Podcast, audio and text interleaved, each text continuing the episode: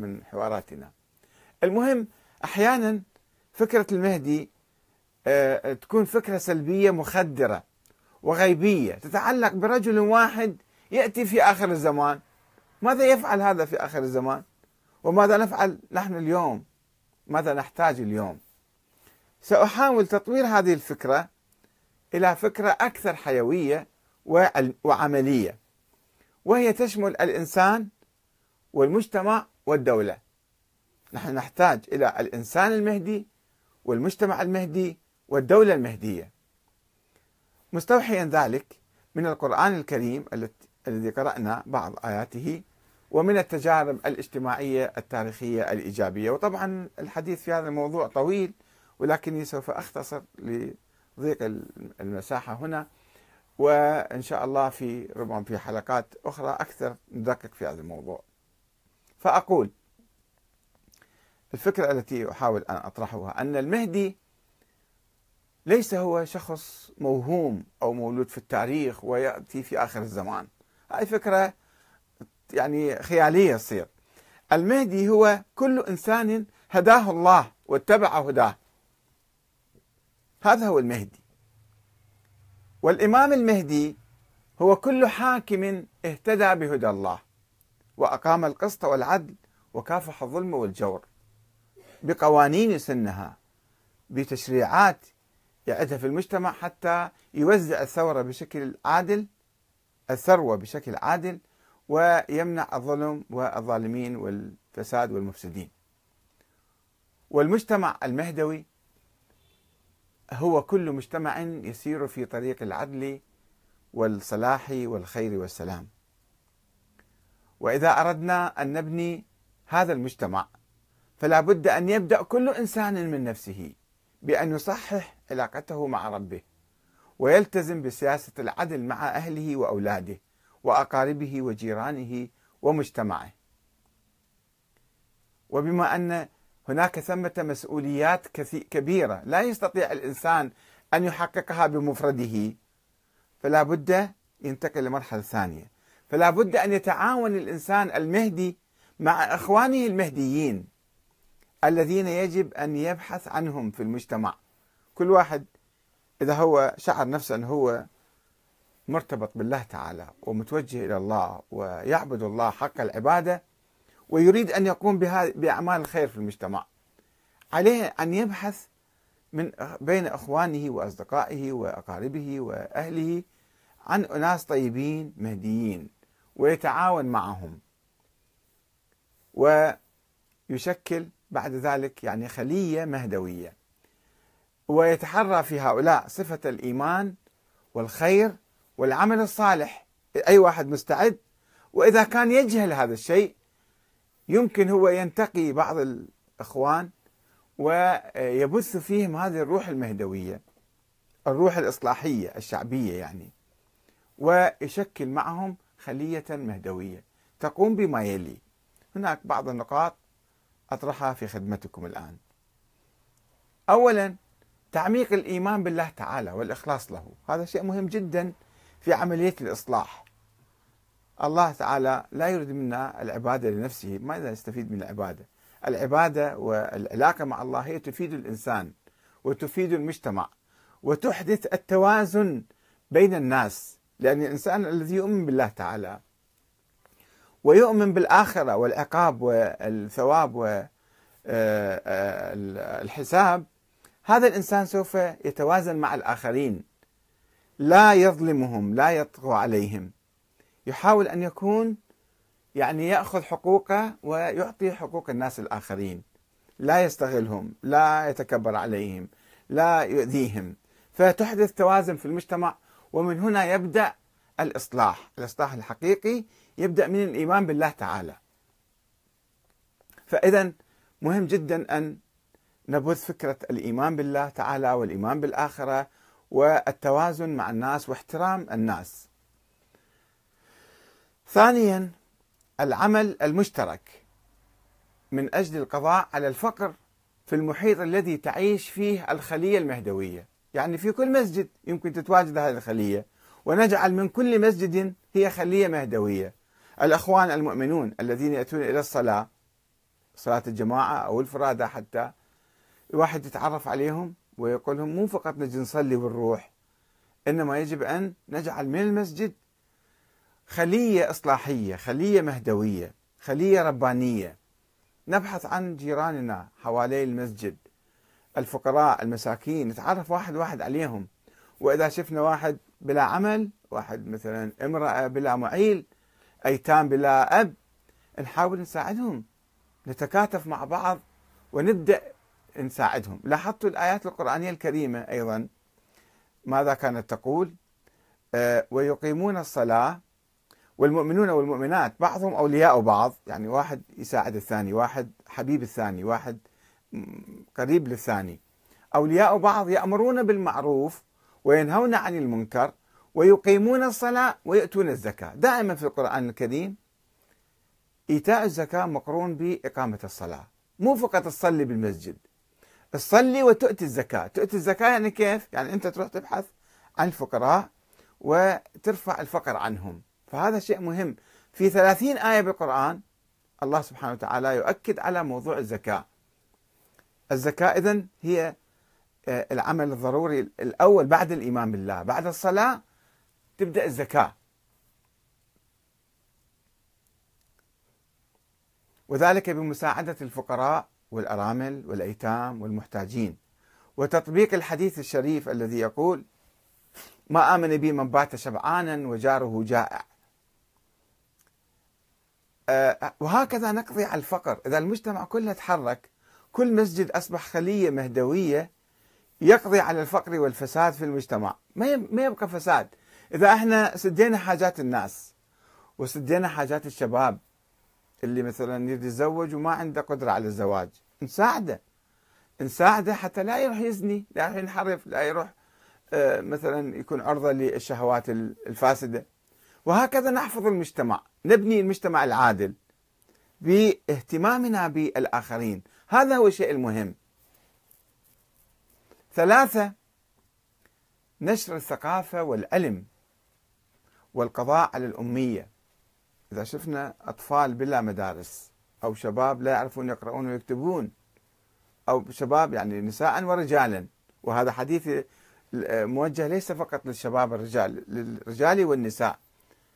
الأخوات أيضا يعقدن يعني آه، أخويات بيناتهم خلايا لكي يبثوا العلم ويلتفتوا على الفقراء والمساكين.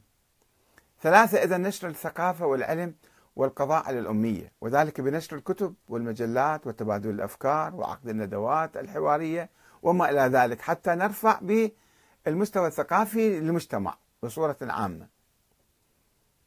أربعة مساعدة الإخوان في الخلية المهدوية إذا شكلنا خلايا أقل شيء من خمس أشخاص خمسة عشرة خمسة عشر واحد. وهذه أيضا كل واحد من الإخوان أيضا عنده مجموعة خاصة به في مناطق أخرى تكون هكذا شبكة من الخلايا. مساعدة الإخوان في الخلية المهدوية والخلايا المهدوية الأخرى أه، مو بالضرورة يكون في حزب واحد. أنا لا أدعو إلى تشكيل حزب أدعو إلى تعاون بين بالمجتمع تعاون بين المساجد بين الجمعيات بين الروابط. وكذلك مساعدة جميع الناس على حل مشاكلهم الإدارية والاقتصادية والثقافية في البلد. وأي واحد عنده مشكلة نروح نساعده نروح نتعاون وياه نحل مشكلته سواء في الإدارات أو في الدولة أو في أي مكان. ما عنده عمل نوفر له عمل. خمسة نشر الوعي السياسي وثقافة الشورى والسلام عدم استخدام العنف واختيار الصالحين لتمثيل الدائرة الانتخابية. ما دام عندنا أيضا انتخابات مثلا ونقدم نائب فنتعرف على النائب يكون إنسان جيد فننتخبه ونتعاون على دعمه. والشعب آه، بصورة عامة لتمثيل الدائرة الانتخابية في منطقتنا أو في عموم البلد. والانخراط بالعمل الحزبي والنقابي المدافع عن حقوق المحرومين. هذا أيضا عمل إيجابي أمر بالمعروف. يكون في ترابط بالأصناف أو بالنقابات للدفاع عن حقوق العمال والفلاحين والموظفين الآخرين. ستة الحفاظ على أمن المجتمع من اللصوص والإرهابيين والجواسيس والمفسدين. تكون عيوننا مفتحة حتى لا يخترق المجتمع. سبعة العمل على إحياء الأرض بزراعتها وتعميرها وتشجيرها وتجميلها. حتى بلادنا تكون جيدة ومتقدمة آه، أيضا في هذا المجال. ثمانية الحفاظ على سلامة البيئة ومكافحة التلوث بكل أنواعه. تسعة حل الخلافات العائلية والعشائرية والاجتماعية. والقومية والطائفية إذا حدثت بين الناس ودائما تحدث فنكون مستعدين. وكل عضو في هذه الخلية وهذه الخلايا مجتمعة تعمل من أجل حل الخلافات من والعمل من أجل توحيد المسلمين بصورة عامة. عشرة تعزيز القوة الشخصية والاجتماعية والوطنية بما يحفظ الأمن والسلام والاستقلال. أحد عشر التعاون بين الخلايا المهدوية والروابط الاجتماعية الأخرى وتبادل الزيارات ولو بشكل محدود. 12 العمل على مكافحة الظلم والفساد والطغيان عبر مختلف وسائل الإعلام. ابتداء من الحديث الشخصي نتكلم عن الظلم حتى يزول ومرورا بوسائل الاتصال الاجتماعي الفيسبوك تويتر يوتيوب المواقع الإلكترونية الإلكترونية المختلفة نتحدث إذا شفنا في واحد مظلوم أو هناك ظلم أو فساد أو كذا إذا تحدثنا بالإعلام نستخدم الإعلام ويكون استخدام الإعلام جزء من أعمال الخلايا المهدوية. الأمر بالمعروف والنهي عن المنكر كيف يتم؟ عبر الإعلام. كمرحلة من المراحل.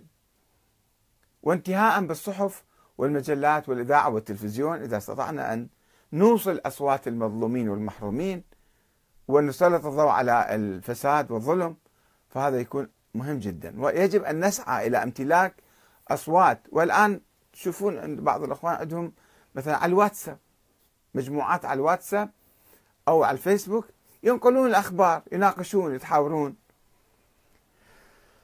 ثلاثة عشر محاربة الخرافات والأساطير والبدع والغلو في الدين اللي قد يكون موجود في بعض أوساط المجتمع. أيضا هذا يكون مهمة الخلايا المهدوية الإصلاحية الشعبية. ليس مهمة الحكومة فقط.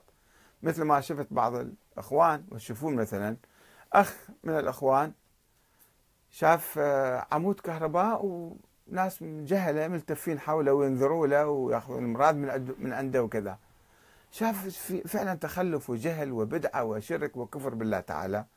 اجى تكلم طلع تكلم أمام هذا العمود ووقف وتحدث بالفيسبوك حط آه، التسجيل مالت الفيديو بالفيسبوك أو باليوتيوب. هذا عمل عظيم. عمل مهم جدا. يعني كل واحد من عندنا إذا شاف ظاهرة سلبية يتحدث عنها يكافحها مو يسكت عليها ويمر مرور الكرام بعض الناس ما يهتمون بهذه الأشياء أو يخافون. بس إذا أنت أصبحت ضمن مجموعة خليه نشطة ما تخاف. إذا أحد اعتدى عليك الخلية تدافع عنك أيضا. حتى لو كان مسؤول كبير. في المحافظة أو في الوزارة أو في الدائرة. أنت تتكلم وهناك وراءك من يدعمك ويدافع عنك ويؤيدك. أو حتى في المجتمع مو في الدولة. في المجتمع شفت فساد وشفت أشياء كفرية وخرافات وأساطير. حاول تكافحها. مو تسكت عليها وتمر. أربعة عشر نصرة المظلومين في العالم مو فقط في بلدك وعلى رأس ذلك القضية الفلسطينية التي تعتبر الآن عنوان الظلم في العالم وعنوان المظلومين في العالم. فما يمكن أنت تكون إنسان مسلم ومؤمن ومهدوي وما تنصر المظلومين. الإمام علي عليه السلام يقول في وصيته للحسن والحسين وأبنائه وشيعته يخاطب الحسن والحسين كونا للظالم خصما وللمظلوم عونا. دائما هالروح تكون موجودة عندنا. في أي مكان شفنا حكومة ظالمة إصابة ظالمة حاكم ظالم أي شيء مؤسسة ظالمة منحرفة نحاول أن آه، نكافحها. وننصر المظلومين في أي مكان بالعالم. هكذا نكون مهدويين. المهدي ينصر يملأ الأرض قسطا وعدلا بعد أن تملأ ظلما وجورا. فإذا شفنا ظلم في أي مكان بالعالم لا يجوز أن نسكت عن, عن الظلم. وإلا لا نكون مهدويين. نكون الله أعلم. إذا فلا بد أن تصبح كل خلية مهدوية. قلب المجتمع النابض. النابض بالحب. والعدل والإيمان والعمل. وإذا انتشرت هذه الخلايا وتعزز التعاون فيما بينها فسوف يصبح المجتمع مجتمعا خيرا فاضلا ويصبح البلد مدينة فاضلة ويصبح الحاكم المنتخب منها من هذا المجتمع إماما مهديا يملأ الأرض قسطا وعدلا ويقضي على الجور والظلم والفساد. هكذا هو الإمام المهدي. كيف يأتي الإمام المهدي لا يأتي من الله تعالى. الله حدد مهمات المهدي. العدل في الأرض. إنما يجب المسلمون المؤمنون هم الذين ينتخبونه ويدعمونه ويقيمون هذا النظام العادل. فإذا وصيتي الأخيرة أنه لكل مواطن كن مواطنا مهديا. شكل خلية مهدوية. ابني مجتمعا مهدويا. انتخب إماما مهديا. وانشر القسط والعدل والخير والسلام في ربوع